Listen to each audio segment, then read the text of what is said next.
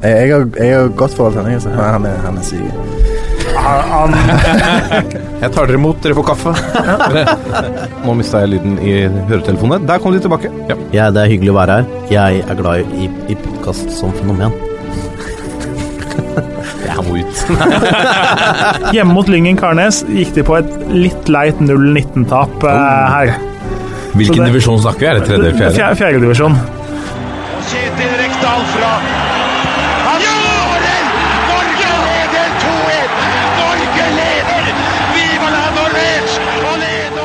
Og der er eh, toppfotball tilbake igjen etter en eh, det mange kaller landslagspause, som vi kaller eh, eliteseriepause. Og det er for, for første gang på en stund etter en sånn eliteseriepause at jeg skulle ønske at eliteseriepausen faktisk varte litt lenger. At vi kunne få et par landskamper til. Jeg vil se, jeg vil se mer av dette laget. eh, og og eh, jeg teller, nå teller jeg ned til, til Spania spesielt, da, 12.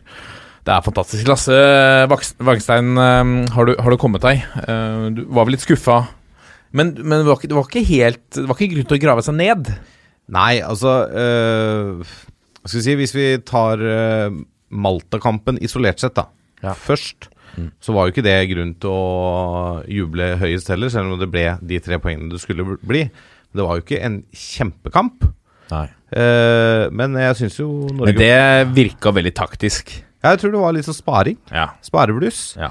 Eh, Sverigekampen var noe helt annet. Eh, og det er, det er gøy å se at de prøver å gå for det på slutten her. Det er, det er gøy å se at de eh, Ja, det, det, det, det, det gir meg litt trua på fremtiden til landslaget, i hvert fall. Om ikke det betyr et EM via EM-kvalifiseringen nå, kanskje via en Nation League-kvalifisering. Det får så være, men når du tenker den stammen da i det laget vi kan nå bygge, med Braut Haaland, Martin Ødegaard, Sander Berge, Kristoffer Ayer, som ikke var med nå. ikke sant? Altså Du begynner å få en ganske solid stamme med ganske unge spillere som kan holde på ganske mange år. Og så kan du spe på med eh, litt andre spillere rundt der som heller ikke er kjempegamle. Så det er jo fremtiden er jo lys, vil jeg tørre å påstå, for det norske landslaget. Ja. Og en av de som har vært med å dekke de, har kommet særdeles tett på uh, landslagstroppen, er jo vår venn uh, Joakim Bårdsen, som er eh, forsinket. Han har, eh, har viktig uh, forefallende i Akersgata der, så han kommer inn i studio her eh, plutselig. Det er vel noen sånne frister. Det er noen frister, ja. I Deadlines. Og der er du, Jørgen Her Kjernås. er jeg. Jeg holdt på å si stjernenykker, men det får du ikke tro det. Ikke Godt an til hodet si. Har gått han virkelig til hodet at han kommer så tett på landslaget der. Ja da. Jeg så han hadde vært på Åråsen i dag. Ja, riktig. Hva skjer på Åråsen? Det som skjedde i dag, var at uh, Frode Kippe meide ned Simen Kinmi Karlsen. Uh, så Kinn Michaelsen hørte det knakk i Oh, i ankelen, men han hørte at det knakk på plass igjen også, så han mente at uh, Kippe takla ankelen hans i riktig posisjon. Eh, og så ga han en albue til Thomas Lene Olsen i en hodeduell. Herregud. Så der var det fyring. Det er fyring i teltet. Men, men det er å Og Se pressen var på på plass. .no. Ja, nydelig, da. Ja. Nydelig. Jørgen Kjernås, Det er meg. eh, er du like altså, positivt innstilt etter, etter Sverige-kampen? Ja, altså Det var jo en solid gjennomført landskamp. Eh, noe av det beste vi har gjort mot god motstand på veldig lenge. Så fra det perspektivet så må man jo være fornøyd, fordi det er ikke så veldig lenge siden vi hadde et landslag som eh, spredde lite entusiasme og glede i de norske hjem, hvis vi kan si det sånn. Ja. Eh, men samtidig da, så er jo ett poeng høyst sannsynlig to for lite i kvalifiseringen. Eh, så var det jo ikke på Friends Arena vi tapte den EM-plassen. da. Det var jo, Hvis det ender sånn nå, så er det jo Sverige og Romania hjemme hvor vi har søla bort eh, det. Så en godt gjennomført kamp, men likevel uavgjort hjelper jo ikke annet enn at vi kan se litt lysere på framtida, da. Ja. Jeg så vår eh, altså jeg så toppfotballvenn eh, Svea i VG hadde en sånn derre slik Slik når vi EM eh, på trykk nå, og den eh, er jo ganske usannsynlig. Altså, det er mye som skal gå Norges vei I kvalifiseringa nå? Ja, i de siste kampene. Ja. Det kan du si. Altså, vi må jo slå Spania. Ja, det, Den var jo da basert på at vi ikke slår Spania, men vinner de tre siste. Og Ja, så fordi er, Hvis vi plutselig slår Spania, vet du så ja, da er det en helt annen ballgame, som de sier, Ja. over en, eh, et visst hav. Ja. Så ok. Ja. La, la oss gå videre i sending. Vi skal snakke litt mer om landslaget i, eh, i Pulsen. Der skal vi også snakke om disiplinærkomiteen, og, og noen reagerer på litt uh, ulik straffeutmåling, eller manglende straffeutmåling til ulike spillere. Uh, vi har fått enda en englandsproff. Um, vi skal snakke om en keeper på norske landslaget som redda fire straffer i straffekonk. Og eh, Kjetil Rekdal, som eh, tidligere har eh, skreket på at eh, han har foreslått aldersgrense i Obos-ligaen, nå har den sunket med, med tre år. Og det kan være bra for norsk eh, ball. Og så har vi selvfølgelig Breddenytt. Men eh, nå skal vi til ukens tulipan og kaktus. Dette er toppfotball. Og til å presentere ukens tulipan og kaktus har vi spaltens president Lasse Wangstein. Tidligere aviasjonsdirektør i den, denne redaksjonen. Nå eh, bygg- og husmester. Ja. Eh, for du har skifta beite. Jeg har skiftet eh, arbeidsplass, det er helt riktig. Kommet deg trygt ned på bakken nå, kan vi si. Nå er det ned på bakken, og nå er det trevirke som gjelder. Eh, bolig, boligbyggeren eh, Boligpartner Ja, riktig. er min nye arbeidsgiver. Er det verdt å si til alle lytterne der ute at ønsker de seg et hus, så ta kontakt? Uh, nei. jeg, jeg, jeg, er ikke, jeg er ikke prosjektleder, selger eller, eh, eller byggmester, nei. Nei, men du kan videreformidle. Ja, det kan jeg Du står for kommunikasjonen. Ja, ja, det kan jeg godt gjøre. Ja, ja. Det, går helt fint. Det går helt fint. Men du er Vålerenga-supporter, bosatt på Romerike og nå med arbeidsplass på Hamar. Det er du helt liker korrekt. Du liker å leve på kanten, Jeg Vangstein. liker å lefle med, med farer. Mange miljøer. Ja, det er helt riktig. Det er, ja, det er jo sånn det er, det. Det er jo noen kontorer der. Jeg ser det henger noen sånn Storhamar-ting, blant annet. Ja. Så nå er jo jeg mest fotballfan, men jeg er jo litt glad i Vålerenga hockey òg, så det er klart. Det blir sikkert noen spennende diskusjoner i lunsjen der utover vinteren, vil jeg tro. Spennende. Ja. Men nå skal du ta for deg tulipan og kaktus. Hvor skal vi begynne? Du, vet du hva? Eh, jeg har tenkt å gjøre om litt den uken her. I denne uken her blir det ingen kaktus, men to tulipaner. Oi, raust. til to jenter, eller kvinner, som fortjener det meget, meget mye. Og vi må da selvfølgelig eh, de eldste først, sånn vet man at det er. Den første tulipanen går til eh, landslagslegenden Ingrid Hjelmseth, som i forrige uke avsluttet en 16 år lang landslagskarriere foran over 10 000 tilskuere på Brann stadion Ja. da Norge slo England og fikk en slags revansje for VM-kvartfinalen. Hjelmeset har da spilt 138 landskamper, eh, og baklengsmålet mot England kunne vel strengt tatt ikke gjøre så veldig mye med. Eh, så hun fortjener jo tulipan, altså en bukett med tulipaner og en eh, applaus. Som eh, takk for innsatsen på det norske landslaget. Hun har vært en bauta. Virkelig, altså. Altså 136 Nei, 38, 38 landskamper. Det er ganske Det er imponerende. Det er helt der oppe. Hvor mange er det Hegge Riise? Nærmere 200, kanskje? Ja, det er, jeg husker ikke det tallet. Det, Adelskalenderen der. Ja. Nei, det her kan jo Det ikke er helt sikkert. er Google seg mange. til. Det er vel over tar den neste- 200, ja. er det? Er det over 200 Nei, på er adelskalenderen? Uansett, øhm, hun skal jo i hvert fall spille ut sesongen i sitt uh, kjære Stabæk, Ja. som kjemper om å unngå nedrykk. Uh, og har sikkert hatt nok av muligheter til å søke andre mm, klubber i løpet av karrieren sin, men det har jo på en måte vært i hvert fall nå en stund ganske trofast der hun er. Ja. Det er jo imponerende i seg selv, det også. Absolutt. Uh, og så det er jo Det har sikkert vært tilbud. Altså for oss som eh, er født på 70-tallet, da, og husker eh, på en måte den gylne norgesgenerasjonen med gull i Sydney-OL og sånne ting, så altså den, den første norske keeperen på kvinnelandslaget jeg beit meg merke i, var jo uh, Bente Nordby. Ja. Ikke? Som, Samme her, altså. ja, det var som, min første som var liksom sånn Hun var jo på en måte Det var keeperen.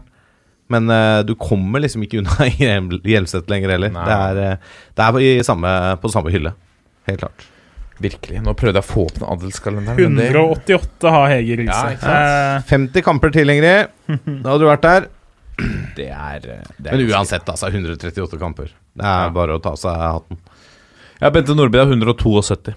Ja, ikke sant. Der ser du. Så det er jo omtrent samme hylla, det. Ja. Maren Mjelde uh, er vel den eneste der på topp 10 som fortsatt er aktiv. Ja, Og hun har 143. Ja, ikke sant. Ja, hun har vel noen år igjen. Absolutt. Nei, en, fantastisk uh, keeper og lagspiller. Ja. Altså, vi har jo hørt uh, Du, du, ja.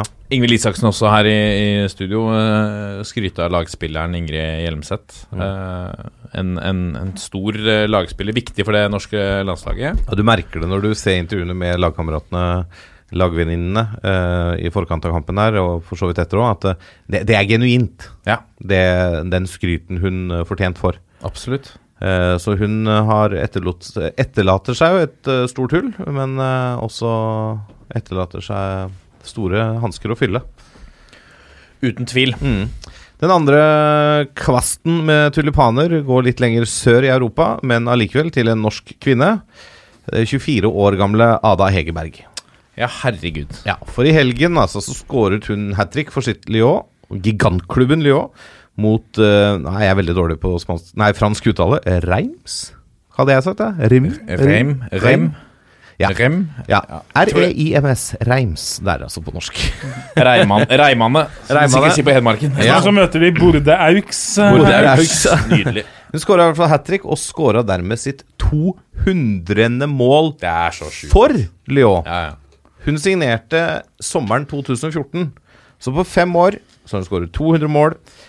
Det er et ryddig snitt, må vel være lov å si. Altså, kan jo klare 1000, 1000 mål. Eh, Nei, kanskje ikke 1000. Romario hadde 1000 mål.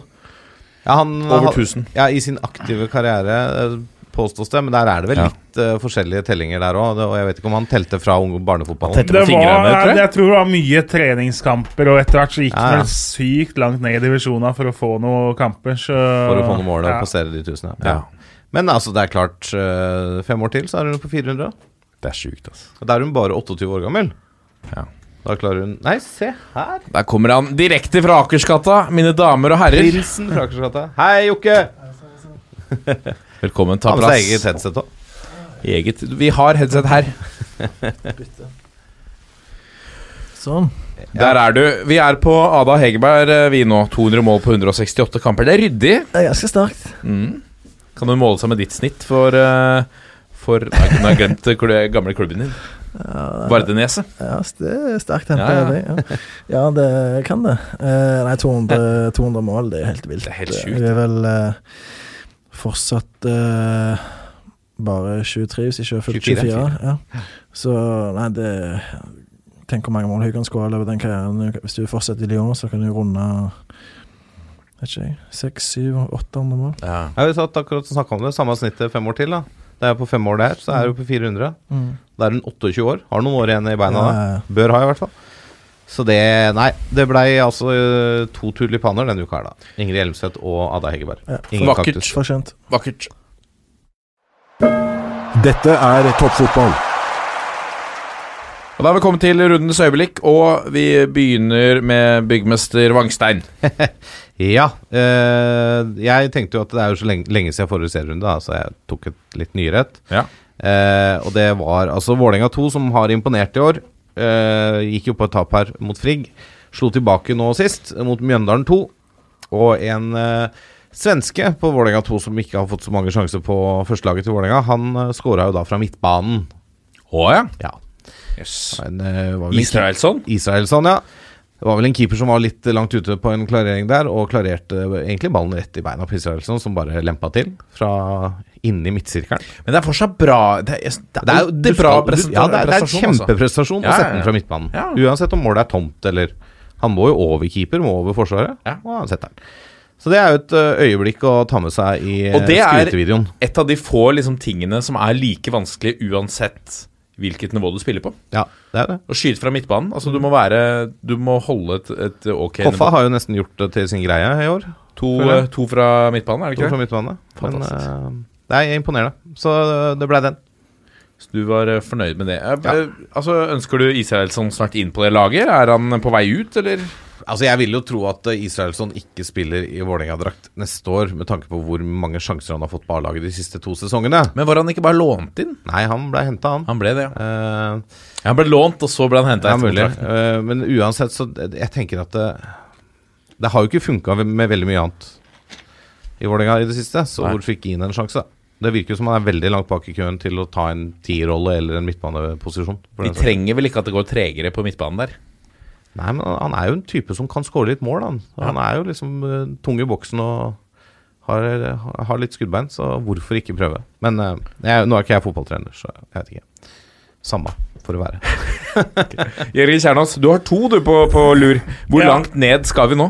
Vi skal til annen og tredjedivisjon. Ja, ok, det Eh, vi skal tilbake til lørdag for uh, halvannen uke siden. Eh, to vanvittige skåringer som kanskje er mine to sterkeste kandidater til årets mål i norsk fotball. Totalt, da- liksom? Ja, totalt. Det er klart, nå ser man jo ikke alle mål, så Men eh, ja, jeg tenkte rett og slett Siden tross alt vi er en podkast, så får jo folk klikke seg inn og se og få retweete litt og sånn. Men eh, Jeg for kommer, gjengen i studio er Roppestad kommer. Vi skal Ja. først til Asker mot Fram Larvik. Nei, Føyka stadion heter det. Føyka. Eh, sønnen til Thomas Pereira, Jonas Pereira. Eh, og nå er det jo nesten litt slemt mot eh, Lasses eh, Israelsson-skåring å dra fram denne. Fordi det er eh, der Israelsson var litt innpå motstanderens halvdel, så kan vi jo si at godeste unge Pereira han er veldig langt inn på egen halvdel. Oi!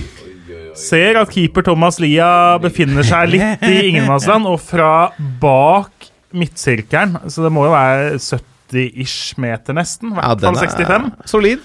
løfter han over keeper, og så inn i åpen kasse. Så Hvem var det? Asker og Aske mot Fram, så han spiller for Fram. Fram, ja. Fram, altså! Ja. Markerer seg nok en gang med positivt fortegn. Skåring nummer to er eh, Det sitter jo langt inne å håper dra fram rundens øyeblikk mot Årvoll, men det Nordstrands Reda Cheek gjør hjemme mot Årvoll eh, sist uke, det er jo Altså hadde, Det burde vel hatt 18-årsgrense, det han gjør der. For det det er en god gammeldags eh, Eller ikke god gammeldags, en ganske nymoderne Rabona. Rabona. eh, som jo betyr at du- bak! Ja. Eh, setter ned venstrefoten som stamfot, eh, og da setter ned høy skyter med høyrefoten bak venstrefoten. Eh, for et nydelig treff fra hjørnet av straffefeltet og bare suser inn i Motsatt. motsatt eh, Altså, det, som- ja det, Kan vi legge ut dette, eller er det noe ja, rettighetsbegrenset? det, vi må da nesten få til det. Alltid ledig i Ja, krysset, vet du. Ja. Ja, den er, og det hører jo med til saken at ca. 90 sekunder før så har en annen Nordstrand-spiller fått treff på halvspretten fra 30 meter, og ballen bare suste opp i krysset. Så Nordstrand skårte Disse må jo på landslaget! Vi ja, må jo altså, ja, det er litt perverst nesten det han gjør der, for det er, det er jo så lekent. Det er helt rå, den siste ja. der, da. Eh, Thomas Holm, altså. ja, ja altså, han prøver jo på det, og får jo drømmetreff. Tenk så deilig å se den i nettet istedenfor liksom sånn Utrolig. lubbene inn til keeper. Bare liksom Keeperen kan gå og hente seg en pølse, og så komme tilbake, og så plukke den opp, liksom. Men det, nei, det her Han traff godt. Fantastisk. Eh, Jeg skal trekke fram Vi, vi skal til Horten. eh, til hashtag Hortenskampen. Ørn Hortens tiltak for å, for å trekke litt folk og putter litt kroner inn i egen kasse. Eh, så har de kjørt med stor suksess i en uke eller to eller tre nå. Hvor eh, lokale næringsliv da kan spytte inn en krone eller ti eller et eller annet per tilskuer. Så var det gratis inngang. Eh, jeg kan informere om at Toppfotball har spyttet inn én krone eh, per tilskuer. Så dere kan vippse meg etterpå. um, Nei. Det endte med cirka, rett i overkant av 600, 600 tilskuere. Ja. Så, så det blir en faktura der som vi får gjøre opp. Uh, men uh, det, må du skaffe noe spons snart, altså. skaffe noe spons, ja. Ja. spons betale den fakturaen. Ørn vant eh, 2-1 mot, eh, mot Lyn, og den, det merket jeg. Det var, det var deilig. Simon Barami med to skåringer der. Eh, fantastisk. Og, og at de holder koken om fortsatt. De, Vålerenga 2 eh, er jo i ferd med å løpe fra de i, i toppen. Og eh, så lenge Ørn, Ørn kommer foran Tønsberg, så er, det, så er det samme for meg. Altså. Det er det viktigste. Um, Joakim Bortsen. Mhm. Eh, Det er jo mange øyeblikk vi kunne tatt. eh, Vi snakket om landslaget her eh, er tidligere eh, mellom oss, og der var det jo et nydelig øyeblikk med Joshua King og denne lille gutten som fikk en uh, Ja. autograf. Først uh, ringside og en god klem, og så endte det opp med at Joshua King oppsøkte skolen hans og ga han en uh, oh, ja. drakt og møtte hele klassen hans. Så det var jo nydelig gjort av King, men hvis vi tenker tilbake til forrige eliteserierunde, så var det for meg eh, Kristoff Siché sin eh, avgjørende skåring borte mot Ranheim for Kristiansund, som var ganske spesiell, fordi eh, det forteller jo litt om det der helt sinnssyke Kristiansund-laget som bare fortsetter å levere sesong etter sesong etter sesong. Trodde gjerne for eh, noen måneder siden at ok, nå er på en måte denne her eh, utrolige rekka med at de bare forbedrer seg og forbedrer seg, som de har opprettholdt siden 2004, er det vel, eh, at den skulle ryke. Men eh, nå er de eh, for fullt med i toppen igjen. Og, og snudde kampen mot Ranheim. Eh, Siché matchvinner etter å ha lagt straffe litt tidligere. Og de er nå bare fire poeng bak Rosenborg på fjerdeplassen. Og skal aldri si aldri om det laget der, nummer fem i fjor. Eh, og de fortsetter bare å imponere med noe helt uh, vilt. Uh. Ja, så lå de under uh, fram til det så en 13 minutter. Kom Mm. to mål på 13 minutter? da? Ja, sant. Pellegri Pellegrino setter inn 1-1 på en retur der. Nok en smart signering av Mikkelsen og hans team. Jeg var jo i Kristiansund da de spilte mot Bodø-Glimt her. Jeg går i surr, så jeg husker ikke datoen, men det var ikke så lenge siden. Og, nydelig by. Jeg har jo tidligere fått eh, kritikk fra enkelte lyttere at jeg har eh, sagt ikke så mye å finne på i Kristiansund, men eh, dette var jo på sommerstid. Vet ikke om det, det er vel gjerne en måneds tid siden. Sånt. Og det er jo helt eh, magisk der i havgapet og idyllisk. Jeg vet at eh, været ikke alltid så fint som da jeg var der, men eh, jeg skjønner at fotballspillere kan bli gode i Kristiansund med, med den entusiasmen som er i byen. Eh, Jeg var inne på kjøpesenteret der på kampdag, så henger der eh, flagg eh, på så å si alle butikker og kafeer, og eh, taxier er pynta med flagg, og det Du merker at det er en by som bryr seg om laget sitt. Eh, så eh, det er jo klart, det er jo fortsatt eh, De er fortsatt ferske på eh, det øverste nivået, men det er bare helt nydelig å se den eh, entusiasmen der, og eh, eh, Sånn som de driver nå, så, så er det egentlig ikke så store begrensninger for hva de kan få til. Eh, en fjerdeplass er en rekkevidde, selv om det blir tøft eh, i og med at det er Rosenborg som har den nå. Du skulle tro at de sikter jo enda høyere enn der de er nå, men eh, men all ære uansett til Kristiansund. Ja, det er noe uh, Jeg har jo tidligere trukket fram overgangen til Bakenga i Ranheim, og fikk jo selvfølgelig umiddelbart uh, uh, rett i at, at eh, han kom til å score der. Det gjorde han jo i første, i første kamp. Det er noe med når spillere som har markert seg på høyeste nivå, har vist at de er gode nok, har fått en dupp, har mistet tillit, går til mindre klubber, men velger klubber som kanskje har en en, en veldig positiv identitet i lokalmiljøet. Du er en helt når du spiller på banen, kontra kanskje det presset som følger med å spille i klubber som Strømsgodset, eh, Stabæk også for den, eh, for den del, Lillestrøm, hvor det er eh, det er en del negativitet rundt klubben. Uansett nesten hvordan de gjør det, så er det alltid noen som klager på et eller annet. Mens i Ranheim, Kristiansund, eh, Haugesund for den del, så er det en, eh, altså en positivitet og en god stemning, da. Så det må være enk enklere å komme dit og prestere når du blir gitt tillit også. Ja, tillit er jo det som er helt avgjørende. Sånn som for Pellegrino, som ble pusha veldig hardt uh, i godset uh, med, med tanke på de spillerne de hadde der. eh, så ble han jo henta til Kristiansund, og da tror jeg han kjenner på at han er litt at han er stjerne. Jeg sier ikke at han oppfører seg som en stjerne, men han, det gir jo han selvtillit å kjenne på at eh, ok, de bruker en del penger på meg nå, henter meg her, eh, og de vil jo satse på meg, og uh, han skjønner sjøl at han eh, kommer der eh, eh, med et veldig godt utgangspunkt, og da er det klart at han eh, eh, har gode muligheter til å lykkes, og han har jo fått en eh, veldig god start. Ja. Fint at man ser meg i Tromsø. Sant? Um, og flere eksempler på de som må gå litt ut av de store klubbene, kanskje. Og Gjør det vondt? senke Gjør det vondt for deg å se Semi eh, blomstre igjen? Nei, jeg hadde forventa det, egentlig. For det, det handler litt om uh, Altså en, en eh, Komme inn i en ny Altså en ny hverdag Mm. med en annen klubb. eh, kanskje litt mindre press. Litt annen spillestil som kanskje passer enda bedre for Fiti Masemi enn måten Vålerenga ønsker å spille på. Eh, og så blir det jo ofte sånn med sånne type spisser at de går seg litt fast. Og han hadde gått så mange kamper nå uten å score, bortsett fra noen Odde Cup-kamper, at det, det blei liksom en greie ut av. Han Skåra Nei, han bomma på opplagte sjanser som alle andre scorer på liksom 99 av 100 ganger. Eh, så det var nok en sånn veldig bør på skuldrene hans, og det blei for, for.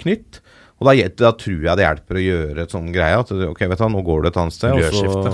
Miljøskift, rett og slett. Ja. Men det er sykt kult når det går den veien. Ja, ja, at du går fra å være eh, Men se Moss nå også. Altså, Moss har jo ikke slitt med å score i godset, men, men uh, altså treffer umiddelbart. Og, og det vet jo godset. Ja, når, Salvesen, da. Han når skåra slipper den. Ja, ja. ja, godt eksempel på det motsatte, det òg. Ja, Men så sant- det, Ja, det er tillit og føle seg verdsatt. Uh, Det er det jeg tror mye går på. Nå kommer pulsen. Da har vi kommet til pulsen, og vi begynner med disiplinærkomiteens uh, siste uh, Hva skal vi si verk. Uh, vi, vi gikk jo og ventet på Akintolas straff etter at han Altså, Han slo ikke ned av det Kugbe, men det var ikke så langt unna heller. Vi, vi forventet oss at det kom en straff der etter spesielt Bamba, som fikk en, fikk en dom etter bare to-tre dager på fire kamper. Nå har Akintola fått uh, tre. Hva, hva er den umiddelbare reaksjonen, Bårdsen? Jeg leste iallfall uh, uh, nemnda sitt uh, Eller sin begrunnelse. Det var at uh, Bamba sin albue var litt mer kraftfull og litt mer voldsom, sånn som jeg uh, tolker det. Og det er jo Ja, gjerne, men det er vanskelig, da. Sant? Det tror jeg eh, De har sikkert diskutert, de òg, om, om de bør gi, gi han noe mildere straff enn det Bamba fikk. Så fire kamper hadde vært greit, det òg, men tre er ikke noe katastrofe. Bamba så jo De skrev jo på Bamba at det var formildende at han hadde gått ut og beklaga Han og klubben hadde tatt avstand fra det i etterkant. Uh, men jeg, jeg Altså, det, jeg, jeg, jeg Men der er jeg litt sånn Ja, bitte litt. Ja, jo, jo, ikke sant? For det, Altså Han kunne fått fem da hvis de ikke hadde ja, gjort det. ja, ja, ikke sant. Det er akkurat det. Uh, Akintola òg, på en måte Der var det liksom litt sånn at Ja, men han hadde Kugba dit hverandre klem etter kampen og Men i uttalelsen fra Rosenborg, som uttalte seg på vegne av spilleren sin, så sier han at det ikke var intensjon. Han prøvde å frigjøre seg i en duell, og uh, det ble dessverre sånn det ble, liksom. Han, han Altså, alle ser at det er et slag med intensjon. Altså det, det blir nesten litt sånn der eh, krampe Pelu om igjen. At du skal prøve å bortforklare det. Bare si det som det er, og ta straffa di. For det ehm, Men at han bare får tre kamper, det er jo forventa, hvis du ser logikken i u- straffeutmålingene fra NFF tidligere. Altså Coly i fjor, på tenniste, den er jo den styggeste av alle tre. Han får tre kamper. Han kommer med stor fart og bruker albuen som en rambukk. Eh, ballen er ikke i nærheten, og han feier ned tennis. og Han får tre kamper. Han burde i hvert fall hatt seks. Jeg er helt enig med deg at uh, jeg jo baser, baserte det jeg sa på tidligere uh, historikk, men uh, det er så farlig med de albuene at mm. du kunne godt hatt en Ja, for du kan få en hjernerystelse der. Du kan ja, du kan godt- Avslutte en karriere. Ja, du kan godt ha minimumsgrense på seks kamper, og for min del kan du godt gi åtte òg. Hvorfor ikke? Det er vel litt Det er jo vanskelig å gjøre noe med eh, midt i sesong, på en måte. Ja, ja, Eh, ja. For det blir jo sånn, Si at man hadde bestemt det nå, Mm. og så kommer det en på søndag og gjør det, og så får han åtte kamper, liksom. Så blir det jo ramaskrik om at hei, de her fikk tre og fire. Ja, ja. Og, Mm. jeg, jeg skjønner jo delvis at det blir tre, og jeg syns jo Bamba sin er et lite hakk verre. Jeg er måte. helt enig, for at Men- Vagberg ligger der litt Ja. sånn Men Men intensjonen jeg, er vel jeg mer er helt eller mindre enig den samme. med Joakim at det, om det blir tre eller fire, er ikke jeg døds Nei. opptatt av. Men jeg er helt enig at det bør opp, og at det i løpet av vinteren bør gjøres noe med at sånn at fem eller seks kamper eller noe sånt er minimum. For det er, altså det er jo rein vold. Mm -hmm. uh, det, ja, det, de hadde slitt hvis det her hadde vært eh, i køen til et utested klokka halv to natt til søndag. Ja, ja. Eh, og da hadde det ligget fine videobevis Ja, ja. fra 17 vinkler på det òg, så hadde det jo Ja, denne kjen Svidd i en domstol. kjendisadvokaten som er kompis med en tidligere norsk toppdommer, har vel uttalt at den Bamba-hendelsen hadde gitt 90 dager ubetinga. ja. Nå hadde det skjedd på gata, ikke sant? Så er spørsmålet, da. Skal du få Men hvis, eh, hvis du hadde også slengt deg etter at grisetakla en fyr ute på byen, da hadde jo, det hadde jo fått konsekvenser, det Men også. tar du ball eller ikke, liksom? Ja, ikke sant? Nei, det er men, ikke noe men det jeg også stusser på her, er jo at eh, Bamba fikk jo da straffen sin etter to til tre dager etter eh, hendelsen. Jeg, l- jeg tror den kom på tirsdag. Han, ja, den situasjonen var på søndag, så det er to dager. I Akintola-tilfellet her så tar det ni dager fra kamp til de klarer å komme med en straffeutmåling. Hva har de gjort? Altså Hvorfor kan de ikke gi den straffen bare med en gang, sånn som med Bamba, er det fri den uka etter forrige runde fordi at det er landskamper? Skal det ikke komme med noe sånt da? Er det Det, det, kan jo, det kan jo være Altså, eh, det må vel holde at, at det er i god tid før neste serierunde. Jo, men det blir jo For at nå hadde Ja. vi jo en landslagspause, eller en eliteseriepause som vi kaller det. Så der, eh, Bamba-saken, der var det, jo, var det jo viktigere at eh, dommen kom Jo, raskt. Fordi jeg, det jeg er enig i det, men det handler litt om forutsigbarheten her òg, da. Altså, for det, Rosenborg har nå da hatt en landslagspause, så kanskje de skulle begynne å på en måte trene på et eller annet inn mot neste runde, og, og har liksom Jeg tror ikke de regner med at Akintola spiller neste serierunde. Nei. Og de spilte treningskamp i Og dag de vet med han blir på suspendert, ja, jeg regner med de vet det, men allikevel, da. Det er noe med den å ha muligheten til å eventuelt anke hvis du har behov for det, da, ikke sant? Eller Ja. legge på en eh, legeerklæring der, eller et eller annet. Ja, en legeerklæring i bunnen der. Vi hadde For å få ned straffa. Ja. Det følger i hvert fall av punkt 3 bokstav A i retningslinjene for disiplinærsaker at det normalt skal ilegges karantene i to kamper for å sparke eller slå i kamp om ballen. Likevel er retningslinjene kun veiledende og ikke uttømmende eller absolutte instrukser, så det kan være mildere og det kan være strengere. Mm. Uh, så i både Så henviser man til Coly-karantenen, at den liksom har satt en form for presedens. Ja, den har jo det, og den var jo altfor lav. Vi hadde en annen kuriøs sak eh, som det ble dom på her òg, nå eh, sist uke. Fra Sotra mot Alta. Eh, Tobias Wibe fikk eh, direkte rødt kort etter at eh, dommeren hadde vært ute og snakka med assistentdommeren. Eh, Blei frikjent etter videodømming, rett og slett. Videoen fra situasjonen viste at han var uskyldig. Fordi han ropte da, da får jeg beklage til den nordnorske befolkning min dårlige etterligning, men dere blås nå i sund den jævla kampen. Eh, og assistentdommer tolka det som at han hadde ropt 'jævla aper' til ja. dem. Eh, så heldigvis for Vibe så ropte han såpass høyt at eh, videoen fra situasjonen ga liksom ingen tvil om hva han faktisk hadde ropt. da. Eh, Men så brukte de det som ja, altså, for, for han, Så han slapp jo da å sone Karantene. karantena. De fikk jo Ja. ikke gjort noe med det røde kortet, og Alta vant jo kampen selv om de spilte en time med ti mann. Ja. Så Men han slapp i hvert fall å stå over helgens kamp, da. Fantastisk. Eh, Men ja. Det, Men så har vi den andre saken. eh, eh, Vi hadde jo et, eh, et eh, øyeblikk her i eh, fjor med Thomas Lene Olsen eh, smått opp fremprovosert, kanskje av Jonas eh, eh, Berg-Johnsen. Berg-Johnsen, eh, i, i pausen der, hvor han uttrykker 'jævla dommerfaen'. Mm. Det må begynne å følge med. Um, og han fikk vel Hva fikk han? To kamper? Han fikk én. Fikk én kamp, ja. Mm. Så har vi Kristian Gauseth som river ned uh, River ned reklameboardsa i, i pausen der og får ingen kamper. Er det innafor? Altså, det Thomas Lene Olsen går jo til angrep på dommerstanden på en eh, Hva var det de i NFF uh, betegna det som det var en upassende oppførsel i media, eller upassende uttalelser til media, var det vel som ble brukt den gangen. Og det kan du vel gjerne si at uh, Gauseth sine uttalelser òg var, men han, han brukte ikke de begrepene som eh, Thomas Lenn Olsen gjorde da. Det var mer bare Kan vi kalle det for konstruktiv kritikk? Ja, litt sånn uh, hissig konstruktiv ja. han, han gikk jo ikke på liksom Nei, uh, er ikke det- Han sa jo at det er gang på gang at uh, små Ja. klubber Ja, blir bortdømt. Men han, Ja. han sier ikke noe og liksom, Han bruker ikke et kraftuttrykk Nei, retta direkte mot dommeren. Og det er jo det samme med Apropos Kolien, hadde jo den samme i fjor. Hvor han sa 'They don't have eyes, what the fuck'? ikke sant? Det var en eller annen situasjon hvor det ikke ble dømt. da Ikke sant? Så ble han intervjua i pausen. Han fikk jo heller ikke uh, karantene for det. Men hadde han da sagt uh, 'They don't have eyes, the fucking referees', da kan det hende det hadde kommet en kamp, da. Ikke sant? Men vil, du ikke, men vil du si at, at eh, jævla Kanskje- dommer uh, Nå blir det mye banneord der. Ja, men men eh, jævla dommer Vi får sette sånn eksplisitt content på coveret.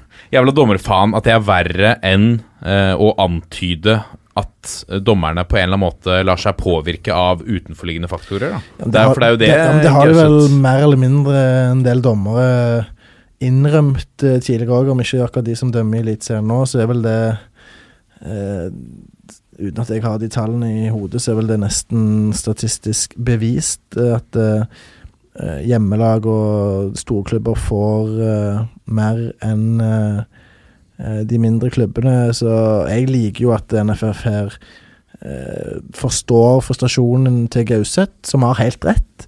I at det skulle være straffe. Og Vegard Forhånd òg, som er herlig nok, kom inn etterpå og sier i det intervjuet Ja, det var med, nydelig. ja, med Eurosport at eh, ja, selvfølgelig treffer Det ballen er, det, det er det beste med hele greia. Ja. Altså, først Gauseth her, som er fyrt på alle pluggene, og så kommer liksom Forhen inn så rolig som skjæra på tunet og bare Ja, klart han traff hånda. Men på den Altså, det er vel bevist fra noe, men hvis du tenker på den Fagermo-sitatet på det For Fagermo var jo på et eller annet i Molde der om at små klubber aldri fikk Eller de minste klubbene aldri fikk noe mot eh, store klubber borte. Det var jo fra en undersøkelse som var Altså, jeg var fryktelig dårlig i X-Fill og X-Hack. Selv om jeg har begge deler, så har jeg fortsatt, ikke helt skjønt hva det er, for å si det sånn.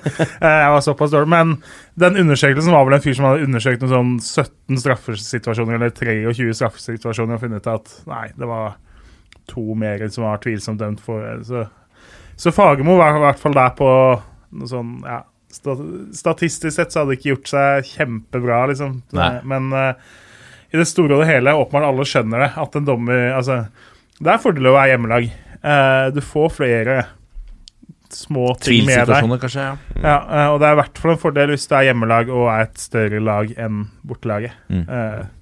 Så ja, enig. Men Med det sagt, da. Jeg, jeg, jeg hyllet jo. Jeg syns det, det er helt nydelig at Ja. det, det fyres. Og jeg syns ikke de skulle gitt kamperskarantene. Kampers karat- karantene. Kunne gitt en, en bot, f.eks., til eh, klubben eller et eller annet. Sånn at de på en eller annen måte regulerte det. Men, men, men jeg syns vi skal ha det litt sånn, jeg. Altså, når vi har åpna for pauseintervjuer Ja. rett av banen, full adrenalin, da må du regne med at det smeller litt. Og det er jo det vi vil ha. Da Ja, vi får vi noe å det. diskutere, da får vi noe å snakke om, da får vi noe å tvitre om. Da, da får, så kan folk mene at Gauseth bare spiller spill, og at han er en bra skuespiller. Men altså, så bra skuespiller er ikke Christian Gauseth at den situasjonen der er skuespill. Altså. Må folk skjerpe seg. Det der kom rett fra hjertet. Ja, og uansett eh, med, eh, Ikke et vondt ord om, om eh, vår nye toppfotballvenn Bengt Eriksen, men, men liksom å avskrive, avskrive og si at nå er man lei Christian Gauseth Han er jo en av de som fyrer opp. Han er jo en av de som lager litt liv. Jeg Så, så synes, kjør litt uh, tirade da i, i pauseintervjuet eller etter kampen. Jeg, jeg, jeg vil mye heller ha det enn de derre Ja, nei, vi, vi gjør noen justeringer, og så går vi ut og så gjør vi en bedre. Satser på å vinne andre omgang. Gi meg ingenting. Trenger ikke å høre på det engang. er Trenger ikke å intervjue folk og, som sier det. men samtidig syns jeg det er deilig det altså, Eurosport faktisk hadde et fnugg av uenighet og på en måte kritikk mot egne og sånn der. For det, det er ofte at gjengen i sofaen her blir på en måte De sitter og sier det samme, bare med tre forskjellige stemmer og mm. bitte litt forskjellige ord. Så uh, bortsett fra liksom noen straffesituasjoner, ellers så er det stort sett liksom samstemt enighet. og uh, lurt på liksom, kunne ikke hatt én der istedenfor tre, for det kommer det samme nesten alle. Så Ja. uh, gjerne mer av det, at faktisk uenighet blant de som er lønnet av Eurosport, så lenge det faktisk er noe de er uenige om. Det, gjerne det. Ordet er fritt, altså. Um, vi går videre da til, til uh, en gladsak. Vi har fått en ny englandsproff. Uh, etter sommeren så er det seks nye norske spillere som har gått til England. Elise Marie Karlseng Utland har signert for Reading og blir med det lagvenninne med Kristine Leine og Og hvem var det siste? Amalie Eikeland, selvfølgelig. Eh, og nå er vi på vei til å få en, en liten ny invasjon der. Nå har vi åtte eh, englandsproffer. Uh, Guro Reiten og Maren Mjelde i, Chelsea sammen med Maria Torisdottir. Aurora Michaelsen som har gått til United, og Cecilie Reddish Kvamme i Westham. Uh, nylig så var det over 30 000 tilskuere i kamp mellom City og United. Altså, det skjer litt på kvinnesiden generelt. Eh, hvor, eh, hva tenker du nå om at eh, England på nytt ser over dammen etter eh, norske vikinger, eh, Kjernås?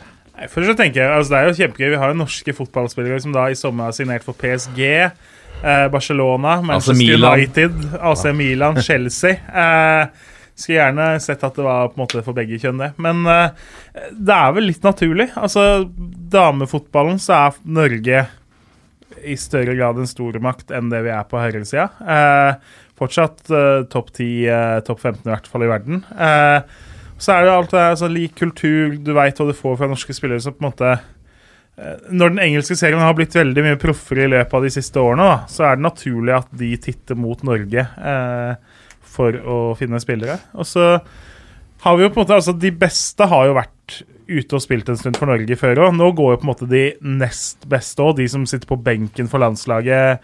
eh, Får også sjansen da i større ligaer og gode Ja, klubber. Kristine Leine ble jo ikke tatt ut nå i til sluttspillet, eksempel.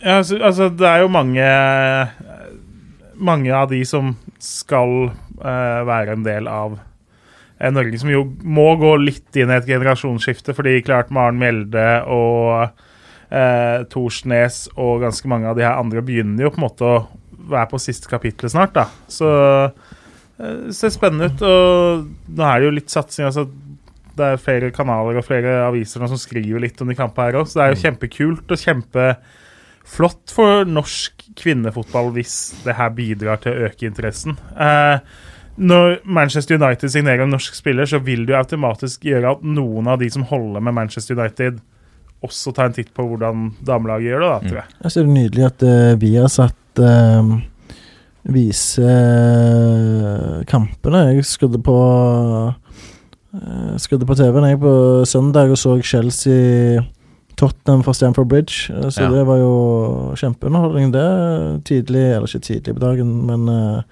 en tidlig kamp uh, var det i hvert fall, sant. Så eh, Tilgjengelighet òg er jo viktig for at eh, du skal bygge en fanskare og, og kunne bare skru på TV-en og se Var det to norske damer i aksjon mot Tottenham for Chelsea?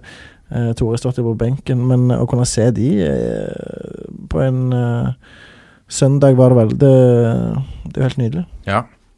Karina Sævik også signerte for PSG i august. Hun har du skrytt mye av. Ja, hun er kjempetalent, og det er jo garantert uh, utviklende for hun å ta steget til Frankrike og spille i en uh, av verdens beste ligaer. De leder jo serien nå. Ja, og, og krige mot uh, Lyon om uh, ligatittelen der. Så um, hun er jo utrolig spennende. sant? Eh, Debuterte jo på landslaget, det var vel i februar, hvis jeg ikke husker feil. Og så hadde vi et kjempemesterskap, og nå er hun plutselig i Paris. Så um, at alle disse spillerne her tar steget ut istedenfor å være i toppserien, det gjerne, Du kan si at det svekker toppserien, men eh, for landslaget sin del så er det jo fantastisk.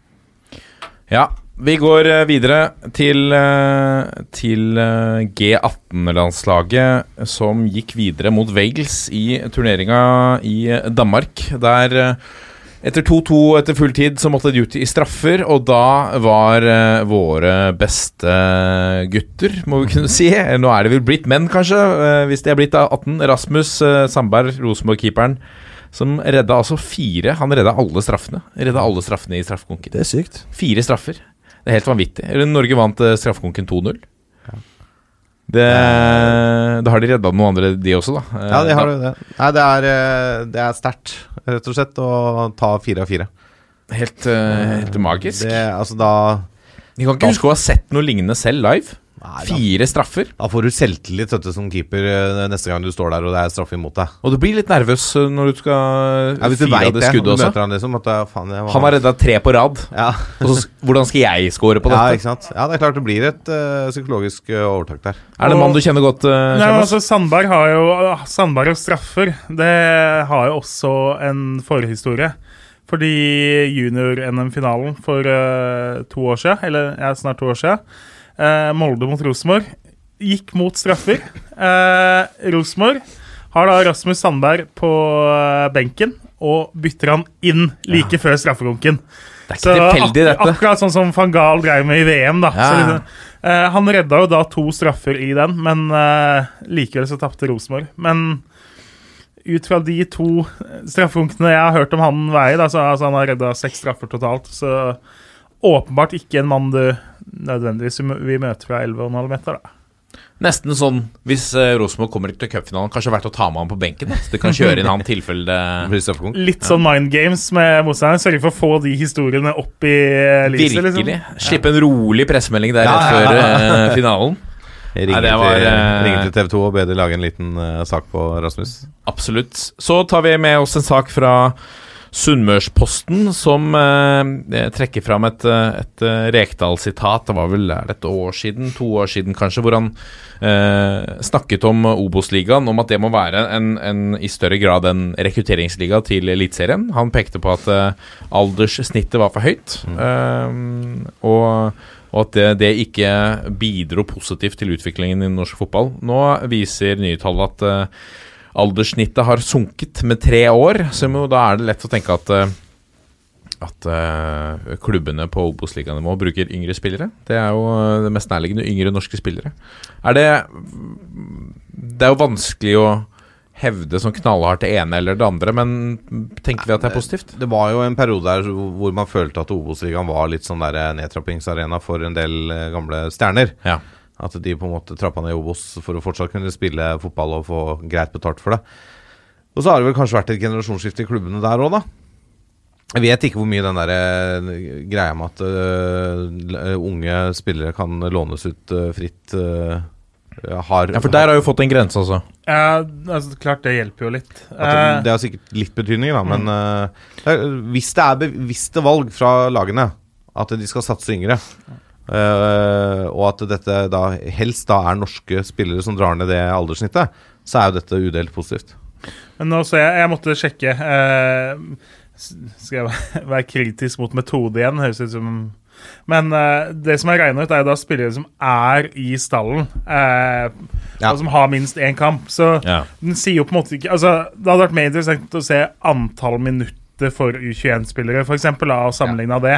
Eh, for nå så kan du ha tatt med en 16-åring som da har vært i stallen og fått ett innhopp på overtid, og at han teller like mye da som eh, 37 år gamle Tommy som spiller samtlige minutter, på en måte. da Og er det venstrehåndsarbeid fra Sunnmørsposten her? Eh, til venstrehåndsarbeid fra deg òg, for det er Fedrelandsvennen som har lagd saken. Er men, eh, Jeg, Det står Sunnmørsposten på min link her. ja da, men det er jo fordi 100 sportssamarbeid gjør at man ofte tar feil der. Jeg forstår. ja. Jeg forstår. Men eh, ja, det er, så jeg tenkte i hvert fall at det, snittet har trolig gått ned, fordi at da er litt fokus på det, og eh, det er ganske mange små klubber som faktisk henter fra unge spillere da, fordi de må det. Eh, men om det har sunket med tre år, er jeg usikker på. Eh, det hørtes ekstremt mye ut. Men det, har vært, ja, men det har vært en tendens nå i ti år at uh, norske klubber ikke har midler til å hente så mange uh, etablerte spillere fra utlandet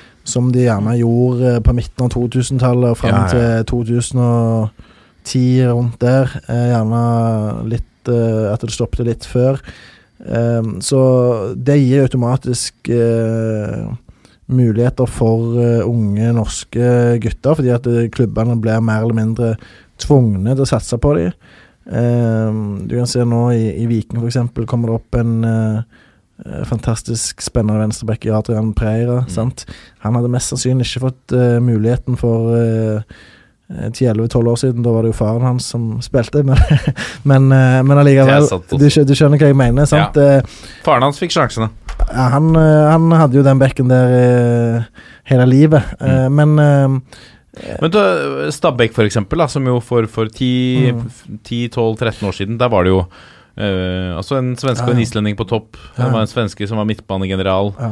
Eh, nå har de jo Altså, Var det i fjor eller året før der som de hadde de største andel av De hadde en Ja, laveste og- snitt og jo- Og største andel av egenproduserte. Ja, og det er en veldig bevisst satsing som de har gjort, Veldig. og har lykkes med, samtidig som de krydrer eh, de lagene opp gjennom årene og denne sesongen her med mange innslag fra utlandet, og selvfølgelig, det må vi, det må vi ta med.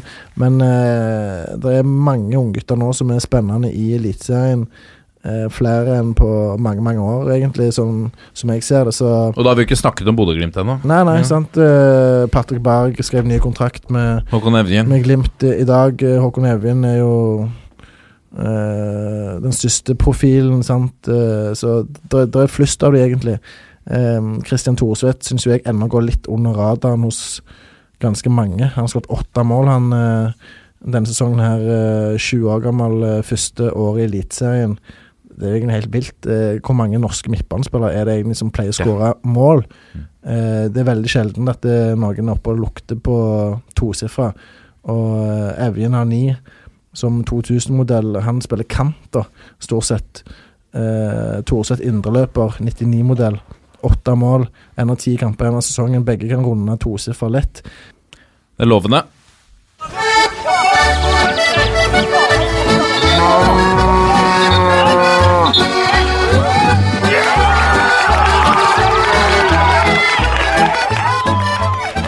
Og der var Bredny tilbake ved Jørgen Kjernas, vær så god. Takk for det. takk for det I dag har vi et sinnssykt variert program. Eh, du har det jo med å invitere oss eh, på de festligste kvelder. Eh, I dag er jo kanskje en av årets aller festligste kvelder. Det er jo deadline day i dag. Og da tenker man jo hæ, den har jo vært for noen dager siden, eller halvannen uke siden. I dag er det jo eh, tirsdag 10. september. Det er deadline day for amatøroverganger. Stemmer. Eh, så det vil jo si at eh, skal femtedivisjonslaget ditt, eller åttendedivisjonslaget ditt, eller gutt 14-laget ditt forsøke å berge Ja, for det er plassen ned eh, på gutte- og ja da, du, jentenivå du får ikke bytte klubb nå. Det var jo en sak i Bergen vel for noen år siden hvor det var en gutt, ung gutt, 13 eller noe sånt, nå, som da hadde flytta fra Østlandet eller Sverige. Eller, han hadde flytta til Bergen i hvert fall. da. Eh, overgangen kom jo ikke i orden før eh, deadline day, eh, så han fikk ikke spille fotball på høsten. Og det ble jo mye styr ut av. Men grensa er der for alle, da, på en måte. Det er, og det er jo For noen så betyr det jo mye det skal spilles om kretsmesterskap og inn til kretsplasser osv. Så, videre. eh, så det hadde vært urettferdig om det var mulig da å hente inn sju nye spillere eh, helt mot tampen nå. Så Ja, grensa sant. er der for en grunn, selv om for noen så vil det slå heldig ut. Men eh, vi, tilbake til det, for det er noen interessante overganger i dag. skjønner du. Uh, men jeg tenkte vi skulle starte med Vi snakka jo så vidt om han er raskeste mannen, altså Jonathan Quarco, som jo er Norges raskeste mann. Uh, spilte fjerdedivisjonsfotball for Flisa. Ble omtalt her i toppfotball. Og så da, et par dager etterpå, så ryker han akillesen. Nei, nei. Så uh. Nor Norges eh, raskeste mann er uh, faktisk sånn at eh, samtlige i toppfotballredaksjonen vel faktisk hadde slått ham på 100 meter nå. Og det så- Det Ja. Det er Vi får, vi får utnytte Det er trist. Det er trist, trist. ja. Trist for Flisa, som da også vel ikke klarte å stille lag i en kamp. Gått fra toppen av tredje og snart til femte på et par sesonger. Ja.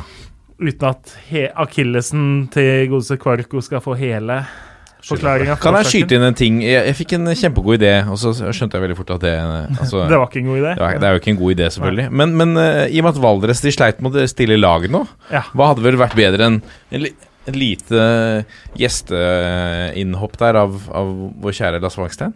Ja. Vet du hva, jeg var, jeg var helt seriøst inne på tanken her om å høre med Altså, det må jo de- være bedre å, sti, å stille med 11 enn 10. Eh, eller 9, Det var det, var det 9, usikker på, kanskje? altså, i det tilfellet her.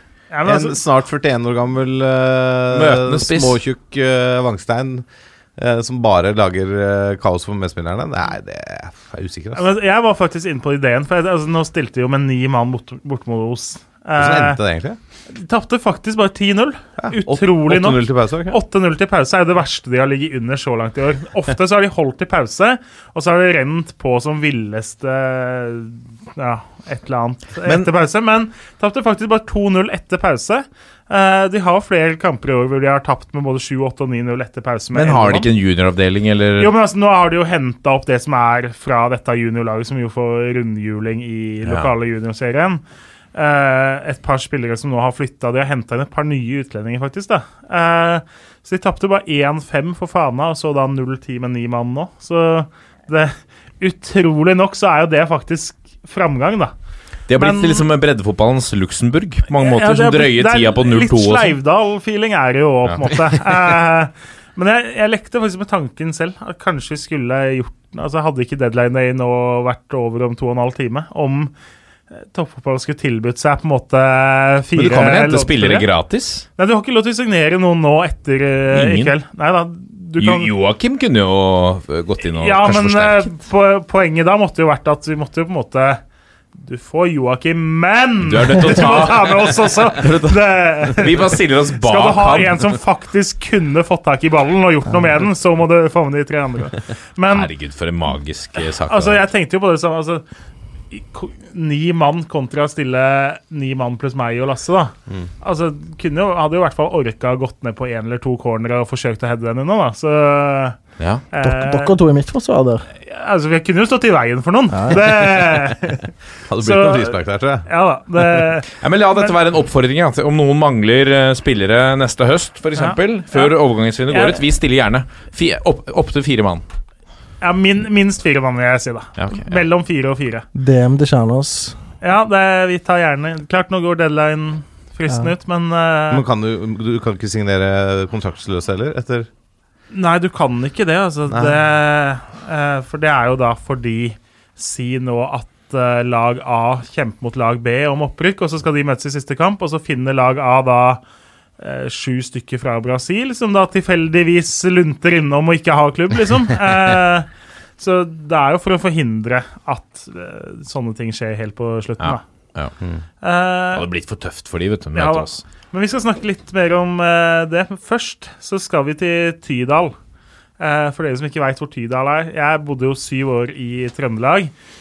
Eh, Tydal det er ganske langt i utkanten av Trøndelag, for å si det sånn. Det er liksom mellom Røros og Selbu. Eh, så kan du kjøre i sånn halvannen time uten å se noe annet enn trær. Eh, et eller annet sted der så ligger Tydal eh, stadion. Null poeng i femte divisjon, på full fart ned i sjette divisjon. Men og det her må vi retweete, selvsagt. Sjekk setene.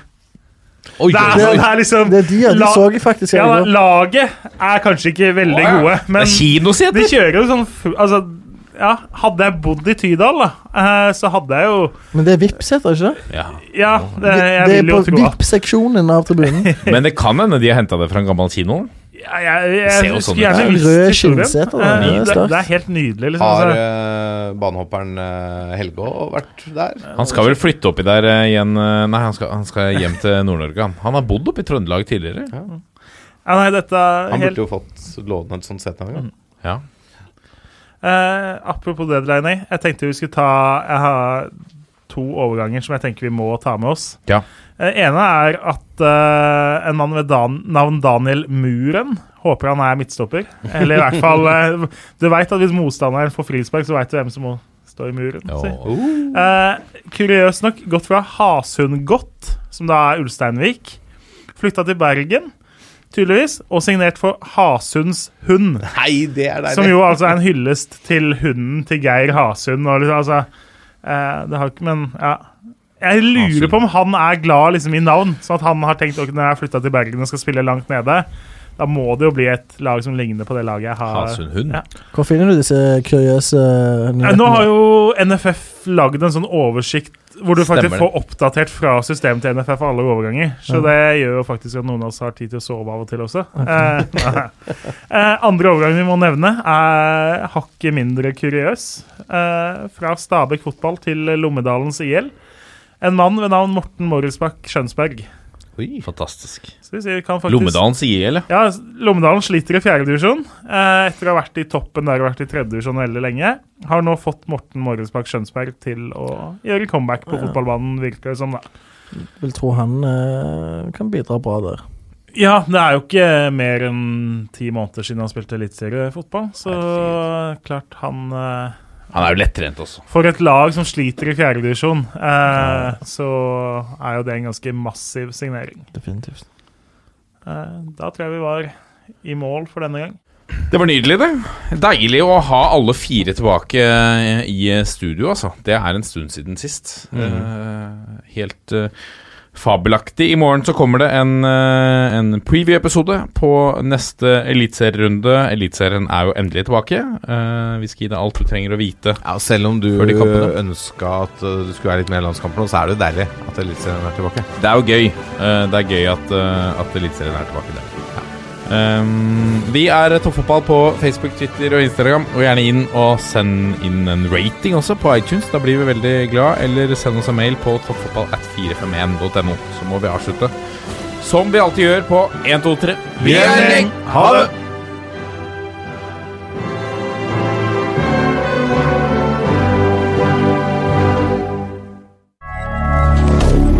Moderne media.